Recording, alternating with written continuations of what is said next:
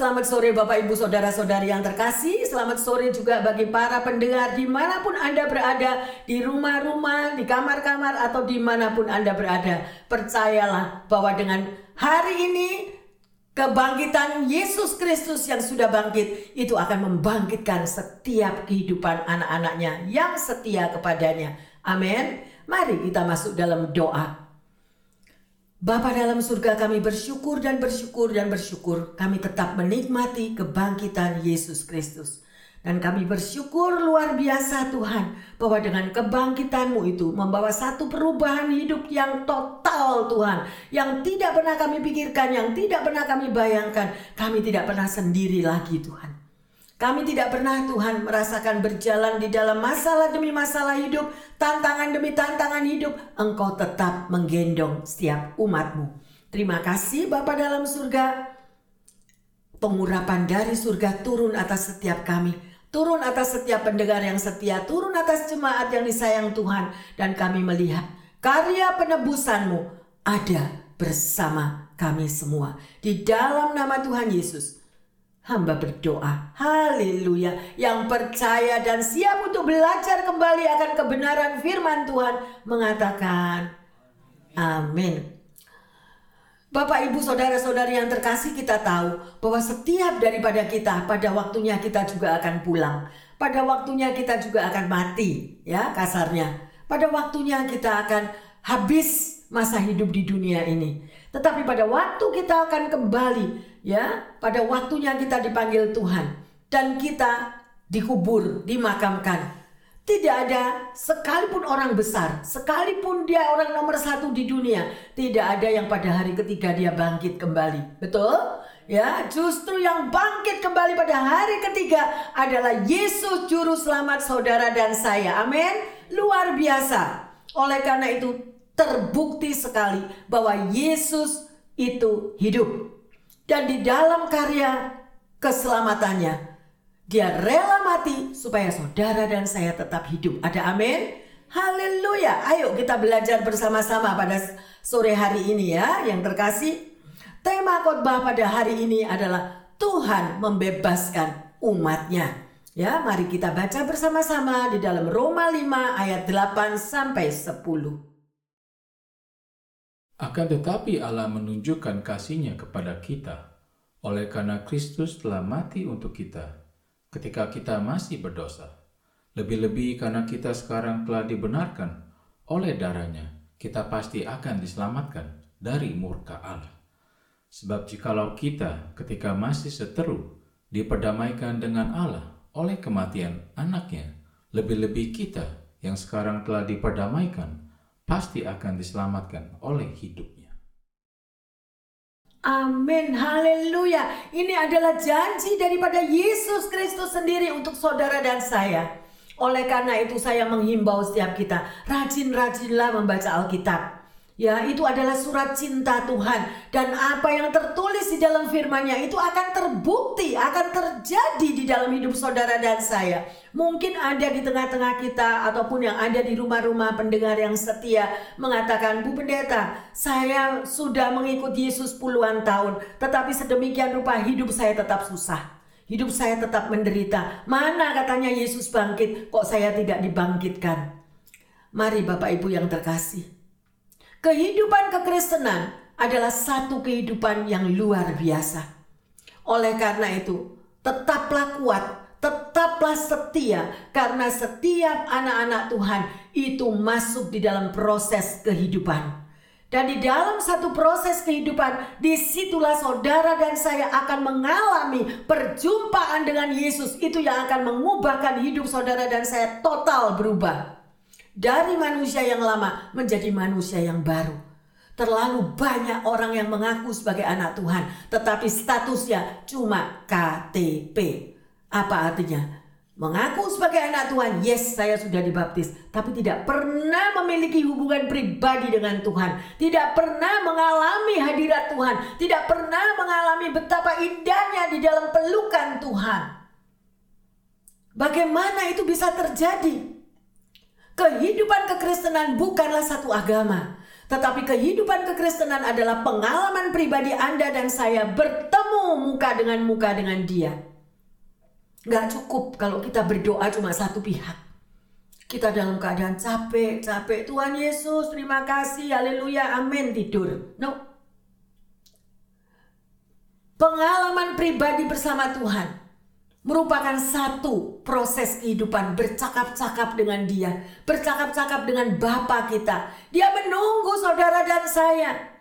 Jangan pernah stop berdoa. Jangan pernah berhenti berdoa pada waktu Anda turun dari tempat tidur. Pada waktu Anda keluar dari rumah, jangan lepas dari doa. Karena itulah yang membahas satu persekutuan pribadi. Pengalaman pribadi dengan Tuhan, hubungan yang akrab dengan Tuhan. Kenapa kita hidup di dunia? Kita mau punya teman, kita mau punya sahabat yang baik, kita mau di mana kita bisa share sedemikian rupa. Tetapi kita hidup di dunia ini adalah kita manusia yang lemah. Ingatlah posisimu dan posisiku. Kita semuanya adalah domba-domba yang di tengah-tengah serigala. Kadang-kadang kita mengalami kecewa, sakit hati dengan segala tantangan-tantangan yang ada. Kenapa? Karena kita semua adalah manusia yang terbatas dan manusia yang lemah. Orang bisa menyakiti kita karena kita tidak sempurna. Kita pun juga bisa menyakiti orang lain tanpa kita sadar. Amin. Oleh karena itu, kenapa kok kita nggak mau melekat kepada Tuhan? Yang sebagai Bapak kita, dia selalu menunggu saudara dan saya. Ayo nak, ngomong sama aku. Ayo nak, curhat sama aku. Gak peduli di mana pun, mungkin Anda drive, mungkin Anda di rumah, mungkin Anda di kamar mandi. Sekalipun kita mandi, kita bisa worship Him. Kita bisa memuji, menyembah dia. Dan dia senang untuk dipuji dan disembah. Dia bertahta di atas pujian dan penyembahan Anda. Makanya kalau kita nggak mau memuji, menyembah, kita rugi. Sebagai anak Tuhan yang tidak pernah mujizat, rugi. Betul nggak? Nah nanti kalau tidak ada mujizat, tidak ada jawaban doa, kita nyalahkan Tuhan. Mana Tuhan, mana Tuhan, puluhan tahun aku ikut engkau. Tuhan yang salah. Kadang-kadang kita juga menyalahkan iblis. Ya, dasar iblis ini, makanya aku kecewa. Kata dijawab sama iblis, kok aku yang disalahin? Situ yang sakit kok aku yang disalahin? Kenapa? Karena kita nggak bisa menjaga hati. Tuhan sudah mengatakan di dalam firman-Nya, jagalah hatimu dengan segala kewaspadaan, karena di situ terpancar kehidupan. Lah kita tidak mau kita obral hati kita dengan gosip kiri kanan, dengan mendengar semua negatif-negatif dari luar. Nah, kita sebagai anak Tuhan, pakailah hikmat. Minta Roh Kudus setiap hari untuk mengurapi kita sehingga kita tidak melakukan hal-hal yang salah. Ada amin yang terkasih? Luar biasa, ya. Kita percaya akan kuasa kebangkitan daripada Yesus Kristus, ya, yang memberikan kekuatan baru, pemulihan, jawaban doa akan terjadi kalau kita setia kepadanya.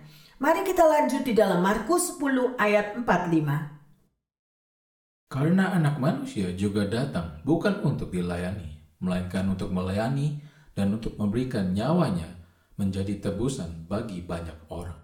Nah, apakah saudara realize atau menyadari bahwa Yesus itu mati untuk menebus saudara dan saya? Ya, oleh karena itu mari kita koreksi diri. Apakah hidupku sudah benar di hadapan Tuhan? Apakah aku sudah setia? Ya, kita bisa lebih takut kepada bos daripada kita takut kepada Tuhan. Betul nggak betul? Bos, jam segini harus ada di office. Jam segini harus begini, harus begitu. Kita taat, kita nurut. Tapi sama Tuhan, kalau kita mau berdoa, kalau ingat, baru mau bicara sama Tuhan. Apalagi kita memberikan waktu yang sisa-sisa udah capek, udah mau tidur. Tuhan terima kasih hari ini aku masih hidup. Amin. No. Bukan kayak gitu. Ayo kita mau senangkan Tuhan. Mungkin Anda sudah pulang kerja, udah malam, udah capek. Kita bisa berdoa di mobil. Tuhan terima kasih. Hari ini aku bisa lewati semua karena Engkau. Tetap urapi aku Tetap peluk aku Tuhan. Aku gak mau turun dari gendonganmu. Aku gak mau Tuhan berjalan sendiri. Aku mau berjalan bersamamu Roh Kudus. Terima kasih, terima kasih. Aku kuat hari ini. Aku akan pulang ke rumahku. Itu sudah doa yang terkasih. Dan dia mendengar. Dan dia mencatat semuanya. Saudara dan saya mempunyai buku kehidupan, kitab kehidupan. Beri yang terbaik buat Tuhan. Hari Jumat Agung kemarin Tuhan memberikan kepada kita tujuh pesan Tuhan di hari Jumat Agung. Saya ulangi buat mereka yang tidak hadir hari Jumat Agung. Ya, dikatakan di situ, setiap hari adalah milikku, Tuhan bilang. Jadi setiap hari apa yang saudara dan saya perbuat itu miliknya Tuhan. Jadi kita jangan berbuat yang boten-boten. Jangan berbuat yang keluar daripada ajaran Tuhan. Setelah setiap hari adalah miliknya Tuhan. Kalau yang ingat lagi yang kedua setiap apa? Setiap oke okay, saya lompat-lompat ya. Setiap hari, setiap hati. Setiap hati kita adalah milik Tuhan. Dan kalau kita ingat firman Tuhan mengatakan, jagalah hatimu dengan segala kewaspadaan supaya terpancar kehidupan. Jadi jangan ada hati yang buruk. Jangan ada hati yang jahat. Karena hati itu setiap hari loh, yang diomong itu setiap hari milik Tuhan. Ya. Setiap pikiran adalah milik Tuhan. Apa yang saudara pikir sekarang? Ayo. Kenapa Tuhan sampai berikan itu? Ya, setiap pikiran. Karena kadang-kadang pikiran kita tuh nyeleweng, betul? Tahu-tahu ketakutan. Aduh, takut ini. Aduh, takut itu. Aduh, takut ini. Jadi pikiran ini adalah sampah. Takut akan hari depan. Takut akan semuanya. Boleh kita memikirkan hari depan, tapi selalu minta uh, hikmat daripada Tuhan. Tapi nggak boleh ada ketakutan, karena ketakutan itu bukan dari Tuhan. Jadi ingat ya, setiap hari pikiran dijaga. Karena pikiran kita punyanya Tuhan, hati kita punyanya Tuhan, hari kita punyanya Tuhan. Kemudian apa? Perkataan.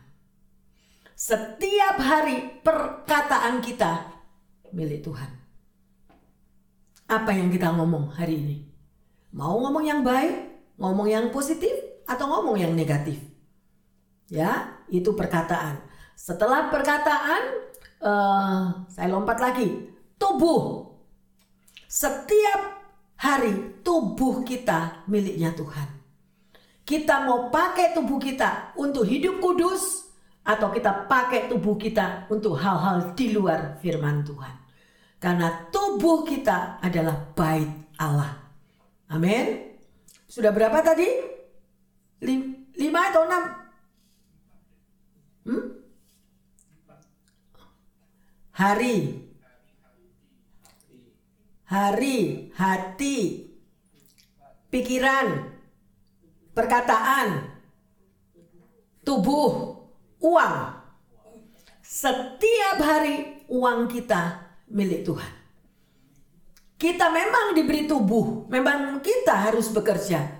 Tetapi setiap uang kita itu adalah milik Tuhan. Makanya jangan greedy jangan serakah.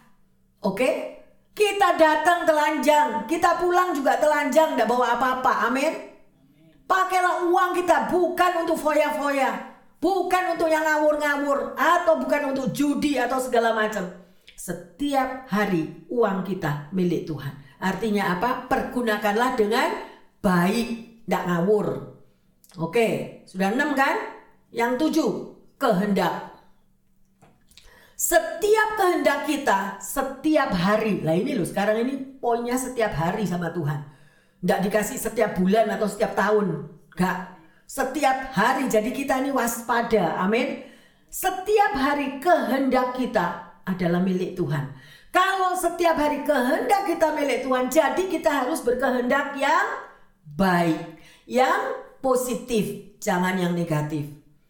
Oh ini kan kehendak bebasku, Aku mau maling, aku mau nyuri, aku mau apa kan suka-sukaku. Lah.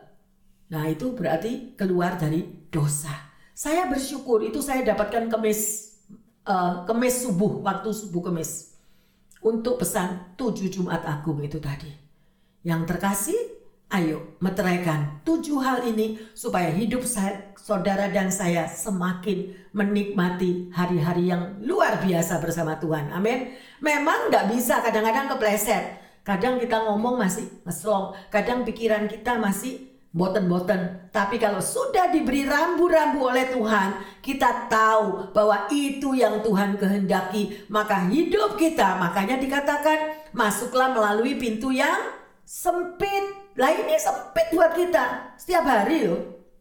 Ngomong hati-hati itu. Saya aja masih belum bisa. Nah, tapi semua belajar. Amin. Kalau kita sudah dikasih sama Tuhan, ayo kita belajar bersama-sama. Ya, luar biasa. Ada suatu uh, ayat lagi yang kita akan baca yaitu di dalam uh, tadi yang terakhir kita baca di dalam Efesus 2 ayat 3 sudah belum?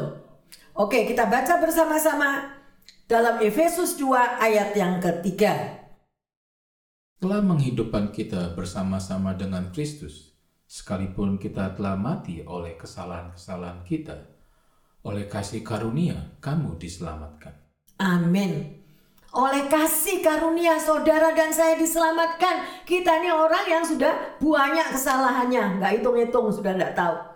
Ya, tiba-tiba saya di sini uh, seperti mendapatkan satu hikmat. Lah bagaimana kalau orang tua kita dulu nggak ngerti? Bagaimana orang tua kita dulu tidak ikut Tuhan? Dia nggak mengerti apa-apa yang sedemikian. Percayalah yang terkasih. Tuhan mengerti setiap apa pun pergumulan daripada anak-anaknya. Ya, dan dia tahu. Mungkin saudara bertanya, ini orang tuaku di surga apa di neraka ya? Nah, itu Tuhan yang tahu bisnisnya Tuhan. Kalau mereka tidak tahu, Tuhan tahu. Mungkin di hari yang terakhir, di hari apa pun, ya, mereka pada saat mau pulang, mereka berseru mohon ampun kepada Tuhan. Mereka diampuni. Ya, jadi keselamatan itu ada di dalam tangan Tuhan. Ada sebuah cerita nyata yaitu berapa puluh tahun silam beberapa pelayar Inggris itu diculik dan disandera oleh perompak Somalia. Ya, ada perompak itu bajak laut. Ya, selama 388 hari. Ya, dua di antaranya bernama Paul dan Rachel. Akhirnya dibebaskan setelah penculik itu mendapatkan uang tebusan yang sangat besar. Ya, dalam hal ini bagi keluarga daripada Chandler ya merasakan bahwa semuanya itu terjadi itu di luar pengetahuan mereka sampai uh, apa mereka diculik sedemikian karena si Chandler ini tidak pernah berterus terang berapa nominal uang yang harus dibayarkan itu. Ya, siapa pun akan pasti rela menyumbangkan uang yang luar biasa besarnya untuk keselamatan nyawa daripada keluarganya. Ya, sedemikian rupa. Demikian juga apa yang dialami tebusan bagi Paul dan Rachel ini Demikian adalah gambaran yang sederhana apa yang Tuhan lakukan untuk menebus hidup saudara dan saya. Bayangin ya, tadi itu perompak bajak laut. Ya, sudah menyandera 388 hari. Akhirnya mereka bebas dengan tebusan yang sangat besar. Saya mau tanya, bagaimana hidup saudara dan saya? Mungkin yang sudah disandera oleh segala ikatan-ikatan dunia yang memukau, yang mengglamurkan mata kita sehingga kita tidak tahu kalau kita selama hidup di dunia ini kita hidup di dalam ikatan dosa. Karena nikmatnya kebebasan hidup di dunia. Sulit sekali mereka mau ikut Tuhan. Karena bagi siapa yang mengikut Yesus ada syaratnya. Apa itu? Sangkal dirimu, pikul salibmu, ikutlah aku. Dan mengikut Yesus tidak mudah yang terkasih. Kita harus benar-benar mampu untuk menyangkal diri. Ya, sedemikian rupa, tetapi Yesus sampai rela berkorban di kayu salib untuk menebus segala ikatan-ikatan yang puluh-puluhan tahun mengikat saudara dan saya. Oleh karena itu saya mau mau share sedikit tentang ada orang yang tanya kepada saya gini, Pastor, saya nggak suka. Kenapa Easter kok selalu dilambangkan sama telur? Happy Easter telur, Happy Easter telur. Karena nggak ngerti yang terkasih. Telur, sebuah telur, atau saya jelaskan, adalah kehidupan masa lalu saudara dan saya. Di dalam telur itu yang ada hanyalah kegelapan. Betul? Sampai pada waktunya telur itu menetas.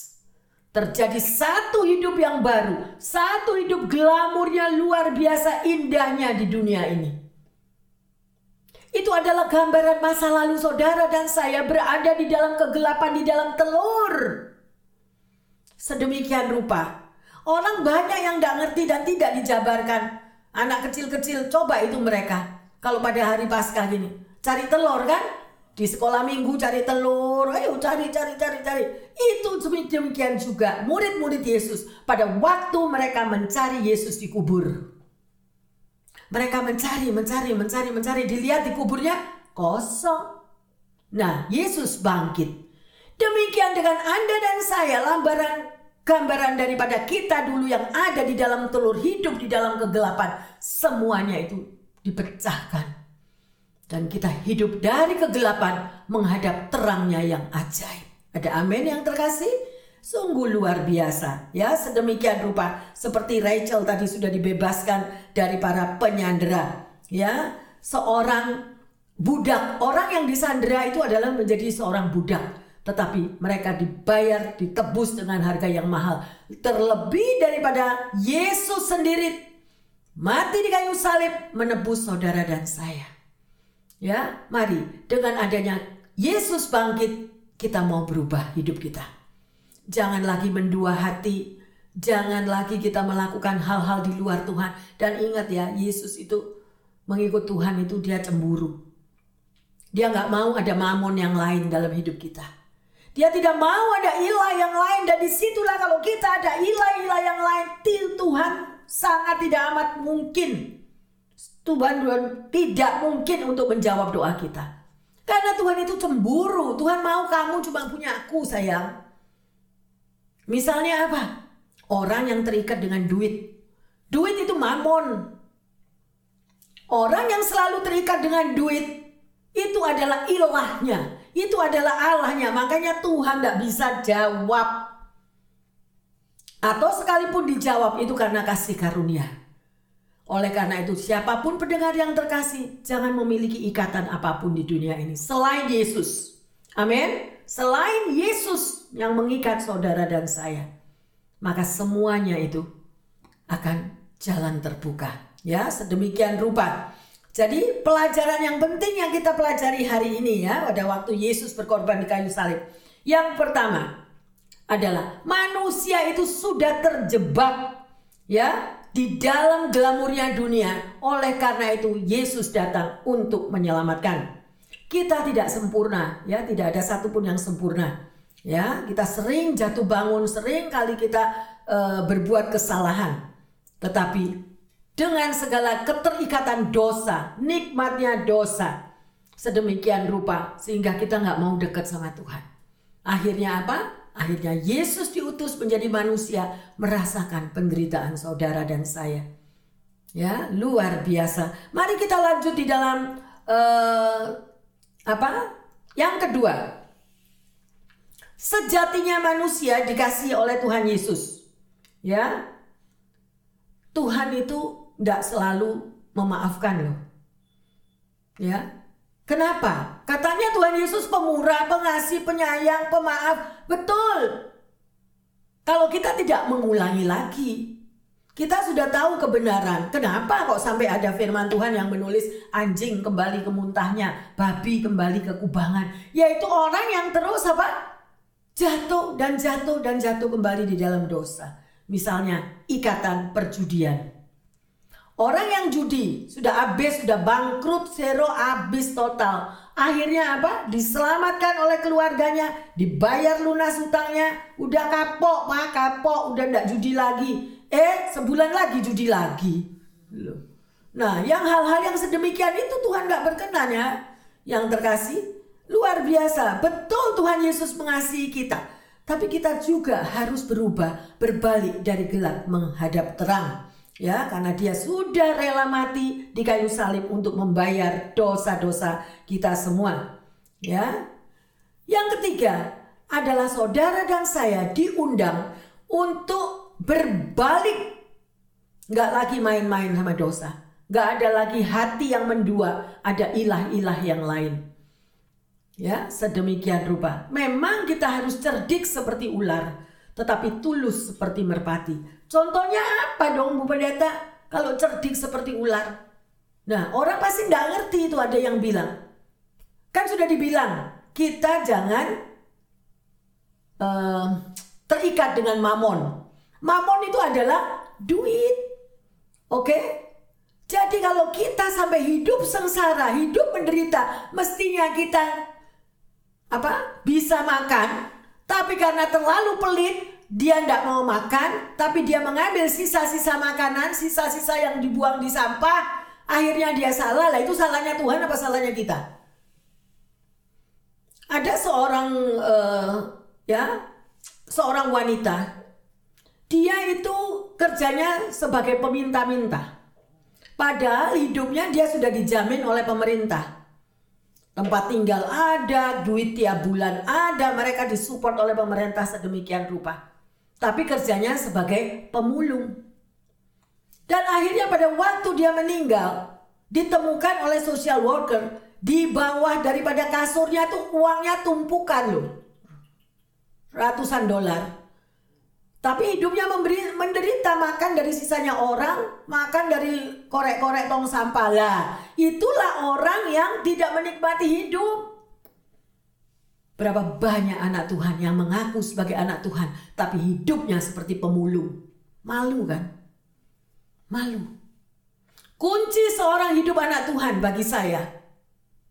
Because Jesus is love. Karena Tuhan adalah kasih. Hidup seorang anak Tuhan adalah menabur kasih. Percayalah, kalau kita berani berkorban, berani melakukan untuk memberi hidup kita itu sampai masa tua, Tuhan tetap memberkati. Amin. Karena apa yang kau tabur itu juga yang akan engkau tuai. Tetapi kalau kita cuma kerjanya itu mengorek-ngorek sampah, ya dapat gratisan, cari di mana-mana gratisan sehingga hidup itu tidak bisa dinikmati. Hidup sengsara seperti tikus mati di dalam lumbung. Ya, jangan sampai yang demikian yang terkasih. Hiduplah, nikmatilah hidupmu bersama Tuhan. Dia nggak akan tinggalkan kok. Firman Tuhan mengatakan apa? Burung-burung di udara aku pelihara nak. Masakan hidupmu aku tidak pelihara. Asal jangan salah jalan. Oke hidupku dipelihara kok sama Tuhan. Kerjanya apa? Foya-foya, hidup tidak ada hikmat sedemikian itu salahnya sendiri. Ya, ayo kita mau pakai pikiran kita, hati kita setiap hari yang sudah diajarkan oleh Tuhan. Amin. Ada sebuah cerita nyata lagi. Seorang bernama Hanso. Dia mempunyai kakaknya seorang gadis yang begitu sangat cantiknya. Ya, sudah cantik, pandai, pintar mereka hidup di Seoul. Ya, sampai pada satu hari kakaknya yang uh, cantik ini membuka rahasianya kepada adiknya. Dia katakan, "Dek, kamu bangga akan hidupku, kamu bangga akan kecantikanku, tapi kamu nggak tahu perbuatan salahku. Aku pernah hamil dan aku pernah menggugurkan kandungan. Apakah engkau masih tetap mengasihi aku sebagai kakakmu karena aku sudah berbuat dosa sedemikian rupa. Kemudian Hanso menjawab, apa pun yang pernah engkau perbuat, kakak, aku tetap mengasihimu. Karena setiap daripada kita tidak lepas dari kesalahan, tidak lepas dari kekurangan sedemikian rupa. Dan ini adalah satu cerita nyata dan sampai uh, apa? Dibuat satu movie yang berjudul The Sun in the Sky Ya, jadi adiknya tetap mengasihi kakaknya walaupun perbuatan kakaknya pernah jatuh di dalam kesalahan yang sedemikian rupa. Dan film ini sungguh menjamah banyak orang. Bagaimana Yesus tetap mengasihi saudara dan saya yang mau bertobat dan tidak mengulangi segala salah dosa yang sudah pernah kita perbuat sekalipun puluhan tahun yang lalu. Ada amin yang terkasih? Haleluya ya. Sungguh luar biasa. Mari kita akan pelajari lagi lebih dalam yaitu Yohanes 1 ayat 1 sampai 3. Pada mulanya adalah firman. Firman itu bersama-sama dengan Allah dan firman itu adalah Allah. Ia pada mulanya bersama-sama dengan Allah. Segala sesuatu dijadikan oleh Dia dan tanpa Dia tidak ada satu pun yang telah jadi dari segala yang telah dijadikan. Haleluya saudara. Ayo baca lagi bila perlu Anda tulis ya. Meteraikan di dalam hatimu. Jadi kita tahu segala sesuatu itu dijadikan oleh Tuhan ya. Yang dulunya tidak ada menjadi ada. Bukankah kita hidup dari kasih karunia? Karena Yesus sangat mengasihi saudara dan saya. Ya, jadi penggenapan akan firman Tuhan, ya. Firman Tuhan itu adalah Yesus sendiri. Allah yang benar ya, bukan suatu yang kebohongan ya. Semua isi daripada Alkitab itu sungguh-sungguh terjadi. Maka penggenapan firman Tuhan juga akan terjadi. Yang kedua, kebangkitan Tuhan ditawarkan kepada setiap kita. Ayo kita baca Lukas 27 ayat 10 sampai 12. Perempuan-perempuan itu ialah Maria dari Magdala dan Yohana dan Maria ibu Yakobus dan perempuan-perempuan lain juga yang bersama-sama dengan mereka memberitahukan kepada rasul-rasul tetapi bagi mereka perkataan-perkataan itu seakan-akan omong kosong dan mereka tidak percaya kepada perempuan-perempuan itu. Sesungguhnya demikian Petrus bangun lalu cepat-cepat pergi ke kubur itu. Ketika ia menjenguk ke dalam, ia melihat hanya kain kafan saja. Haleluya. Di sini kita bisa lihat ya apa yang diberitakan kepada perempuan-perempuan tersebut, tetapi langsung daripada Rasul Petrus dia bergegas, dia menuju ke kubur dan dia mau melihat sendiri apa yang terjadi dan memang terjadi saudara, yang ada di dalam kubur itu hanya kain kafan saja. Ya, sedemikian rupa. Setiap daripada saudara dan saya dan setiap pendengar di rumah-rumah di mana pun yang terkasih berada Berita Injil ditawarkan kepada kita semua. Kehendak bebas kita yang memutuskan apakah kita mau percaya akan berita keselamatan itu atau kita menolak berita keselamatan itu. Ya, pilihan dan kehendak bebas ada pada kita. Ya. Sangat disayangkan kalau sebagai anak Tuhan yang tidak pernah percaya akan mujizat. Mujizat itu tetap ada firman-Nya yang mengatakan, Bagaimana pertama kali Yesus membuat uh, satu mujizat di mana air berubah menjadi anggur pada waktu perkawinan di Kana. Ya, demikian. Mengapa mujizat itu Saudara hanya orang-orang yang mengalami yang bisa bersaksi? Kenapa? Karena mereka mau bayar harga. Untuk mendapatkan satu mujizat yang terkasih, kita mau bayar harga. Kita mau mengalami. Ya, mungkin ada yang dengan berdoa, berpuasa, supaya doanya dijawab atau ada hal-hal yang lain kita menyenangkan Tuhan dan di situ maka mujizat akan dinyatakan karena Yesus tetap hidup dan sudah bangkit. Ya kuasanya tetap sama dahulu sekarang sampai selama-lamanya. Nah sekarang pilihan di tangan saudara dan saya. Pilihan di tangan para pendengar yang setia. Kita percaya enggak bahwa mujizat ada? Oleh karena itu saya menghimbau. Ucapkanlah syukur di dalam segala perkara. Ucapkanlah syukur di dalam segala tantangan. Yang sakit berani berbicara, Tuhan Yesus terima kasih, aku sembuh. Ini satu terobosan untuk Anda mengalami mujizat. Yang mengalami financial, terima kasih Tuhan. Engkau sudah ubah ekonomiku. Masa depanku gilang gemilang bersamamu. Kan belum kelihatan loh. Tapi itu adalah ucapan syukur dan kita berani mengatakan masa depanku gilang gemilang. Kenapa? Karena firman Tuhan mengatakan sampai masa putih rambutmu aku tetap menggendongmu. Nah kalau ndak pernah baca Alkitab di rumah, yes yes yes amin cuma hari Minggu atau weekend sampai di rumah lupa lagi. Ya, yang dilihat cuma bill dari bank. Bel dari apa yang harus aku bayar? Itu lebih jelas tulisannya. Duit-duit berapa yang harus dibayar daripada percaya akan janji-janji Tuhan. Lah, akhirnya stres sendiri. Nggak bisa tidur, minum obat tidur. Minum obat tidur, akhirnya ke mana? Ya, karena hidupnya dibuat sendiri yang terkasih. Hiduplah sesuai dengan Injil. Maka kita akan mengalami hidup penuh berkemenangan bersama Tuhan. Ada amin? Haleluya, luar biasa. Hanya orang yang meresponi Tuhan, maka dia akan melihat kemuliaan Tuhan dinyatakan dalam hidupnya. Kita lanjut di dalam keluaran 6 ayat 5 dan 6. Sebab itu katakanlah kepada orang Israel, Akulah Tuhan, aku akan membebaskan kamu dari kerja paksa orang Mesir, melepaskan kamu dari perbudakan mereka, dan menebus kamu dengan tangan yang terancung dan dengan hukuman-hukuman yang berat. Aku akan mengangkat kamu menjadi umatku dan aku akan menjadi Allahmu, supaya kamu mengetahui bahwa akulah Tuhan Allahmu yang membebaskan kamu dari kerja paksa orang Mesir. Yang terkasih, ini adalah janji Tuhan loh. Benar? Ini janji Tuhan apa janji bosmu? Janji Tuhan. Lah kalau kita bekerja ikut bos yang sudah sedemikian, lebih percaya janji bos. Perusahaan bisa bangkrut, bos juga bisa bangkrut, tapi Tuhan tidak pernah bangkrut. Amin. Saudara dan saya hidup di dalam dunia yang tergoncangkan.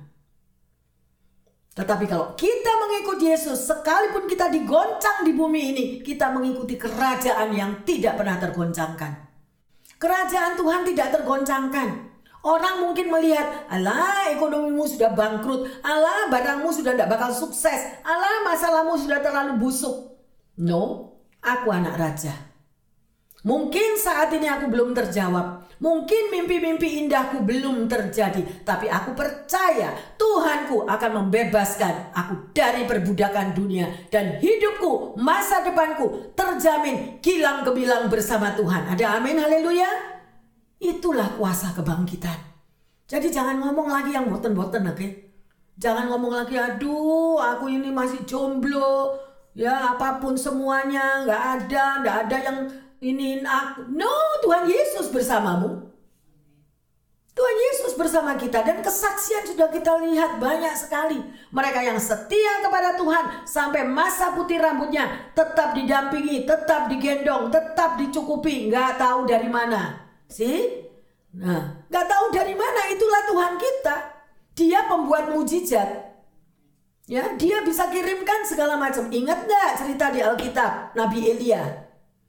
Pada waktu Nabi Elia putus asa, dia ada mau mati aja nggak mau. Ya, nggak ada makanan, nggak ada apa. Tuhan bisa kirim makanan melalui burung gagak, betul? Nah, berarti Tuhan itu pembuat mujizat sekarang hatimu dan hatiku.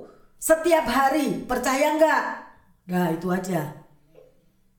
Ya, setiap hari loh, udah dibilangi setiap bulan atau setiap tahun. No, setiap hari. Kalau Anda dan saya setiap hari kita percaya akan mujizat dan kita hidup benar dan kita selalu mengucap syukur, terobosan terjadi. Amin. Saya percaya semua pasti berharap akan terobosan ya. Makanya terus kalau sudah dengar di sini, amin, amin, amin.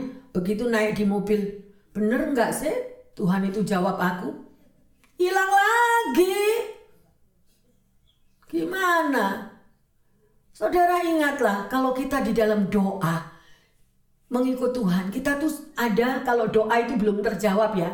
Kita tuh seperti di dalam kepompong, oke? Okay? Di dalam kepompong, kepompong ini kalau kita mau cepet-cepet cepet lihat supaya dia jadi kupu, langsung kita gunting kepompongnya, mati.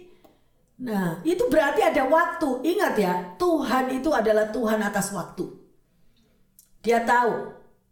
Orang yang mengandung 9 bulan 10 hari, Aduh lama, Bu Pendeta 9 bulan 10 hari gak kuat saya, berat, berat, berat. 3 bulan dikeluarin, ke mana anaknya? Jadi toyol. Ya kan, mati anaknya. Makanya kita itu selalu memakai kekuatan sendiri, pikiran sendiri. Makanya betul itu cuma aku dibilang setiap hari pikiranmu untuk Tuhan. Jadi jangan mikir lagi marah-marah sama Tuhan, Tuhan disalah-salahin terus. Kapan Tuhan, kapan aku dijawab doaku? Akhirnya Tuhan jadi melihat dijawab sendiri sama Tuhan. Kapan-kapan? Nah lu, 40 hari jadi 40 tahun. Mungkin Tuhan tuh tinggal 40 hari, 40 hari nak. Prosesmu doa puasa 40 hari. Omel terus tiap hari. Sumpah serapa kebun binatang yang keluar. Ingat lu ya, perkataan setiap hari punyanya Tuhan. Perkataan apa yang kita keluarkan? Kutuk atau berkat? Nah, kalau kutuk ya benar-benar jadi sumpah serapa kebun binatang. Tapi kalau berkat, ya berkat yang terjadi. Amin yang terkasih. Ayo kita mau nurut sama Tuhan ya. Haleluya. Sedemikian rupa yang terkasih bahwa Tuhan itu sangat mengasihi Anda dan saya. Umat Mesir itu dibebaskan dari perbudakan. Demikian juga hidup saudara dan saya dibebaskan dari perbudakan dunia. Dulu mungkin kita belum kenal Tuhan, sekarang kita udah kenal. Betapa kita melihat keajaiban-keajaibannya yang nyata. Ya, luar biasa. Pertanyaannya sekarang, ya, Adakah daripada pendengar yang setia atau jemaat yang saat ini masih hidup dalam perbudakan? Ayo, ada ndak? Mungkin dibudak sama duit, dibudak sama drug, dibudak sama apa lagi? Macam-macam lah ikatan dosa. Ya, kalau masih ada hidup dalam perbudakan, ayo kita minta kuasa kebangkitannya merubah kita. Kemudian yang kedua pertanyaannya, Bagaimana saudara dan saya bisa mengalami pembebasan dari Tuhan? Bisa mengalami dari semua apa pun yang mengikat kita. Ya, ingat bahwa Tuhan itu adalah pembebas umatnya. Ya, yang terkasih dan sebagai ayat emas kita akan baca di dalam Titus 2 ayat yang ke-6. Demikian juga orang-orang muda, nasihatilah mereka supaya mereka menguasai diri dalam segala hal. Nah ya, di sini lihat, bila perlu ditulis, terutama ini buat anak-anak muda juga, ya. Demikian juga orang-orang muda, nasihatilah mereka supaya apa? Mereka apa? Menguasai diri. Penguasaan diri dalam segala hal. Yang emosi-emosi, yang suka marah, yang lost control. Ya, saya rasa ini bukan cuma anak muda. Anak tua juga ada. Loh, kenapa sampai saya bilang anak tua? Karena orang tua yang merasa tetap anak. Jadi tingkah lakunya sebagai orang tua mestinya dewasa, bisa mengayomi keluarga, mengayomi anak-anaknya, cucunya. Tetapi justru yang grandma, grandpa jadi grandkids. Ada atau ada? Loh, yang ketawa tahu. Ya, makanya ayo kita mau berubah. Hari ini kita sudah belajar bagaimana Tuhan membebaskan umatnya. Dia sudah bangkit dan dia mau memberikan hidup yang baru dan hidup yang berkemenangan. Haleluya. Amin. Terima kasih Bapa di dalam surga. Terima kasih kami tetap merasakan kebangkitanmu itu Tuhan. Membuat umatmu semua memiliki satu pengharapan yang besar bahwa ada hari depan yang gilang gemilang bagi setiap kami. Melalui kebangkitanmu Tuhan, kami percaya Engkau memberikan kekuatan yang baru. Engkau memberikan kemenangan demi kemenangan. Sekalipun badai tantangan hidup masih terjadi dan ada di hadapan kami. Tetapi kami percaya Tuhan Yesus tetap menyertai. Tuhan Yesus tetap menggandeng tangan setiap umatmu. Kami sungguh bersyukur ya Tuhan. Kami bersyukur karena kebangkitanmu. Engkau membebaskan umatmu dari perbudakan. Perbudakan akan dosa. Perbudakan akan hidup yang negatif. Perbudakan akan hal-hal masa lalu yang tidak kami sadari kami sudah jatuh di dalam ikatan-ikatan dosa. Bapak, terima kasih. Kami menyadari bahwa kami adalah orang yang berhutang kepadamu. Pengurapanmu boleh turun atas setiap kami saat ini Tuhan. Sehingga hidup kami betul-betul dikuatkan untuk kami berubah. Mengubah kehidupan kami dari yang gelap menghadap yang kepada terang yang ajaib. Dan engkaulah terang yang dunia itu Bapa. Terima kasih Bapa dalam surga. Terima kasih, terima kasih untuk karya penebusanmu yang luar biasa. Dan kuasa kebangkitanmu tetap ada dahulu sekarang sampai selama-lamanya.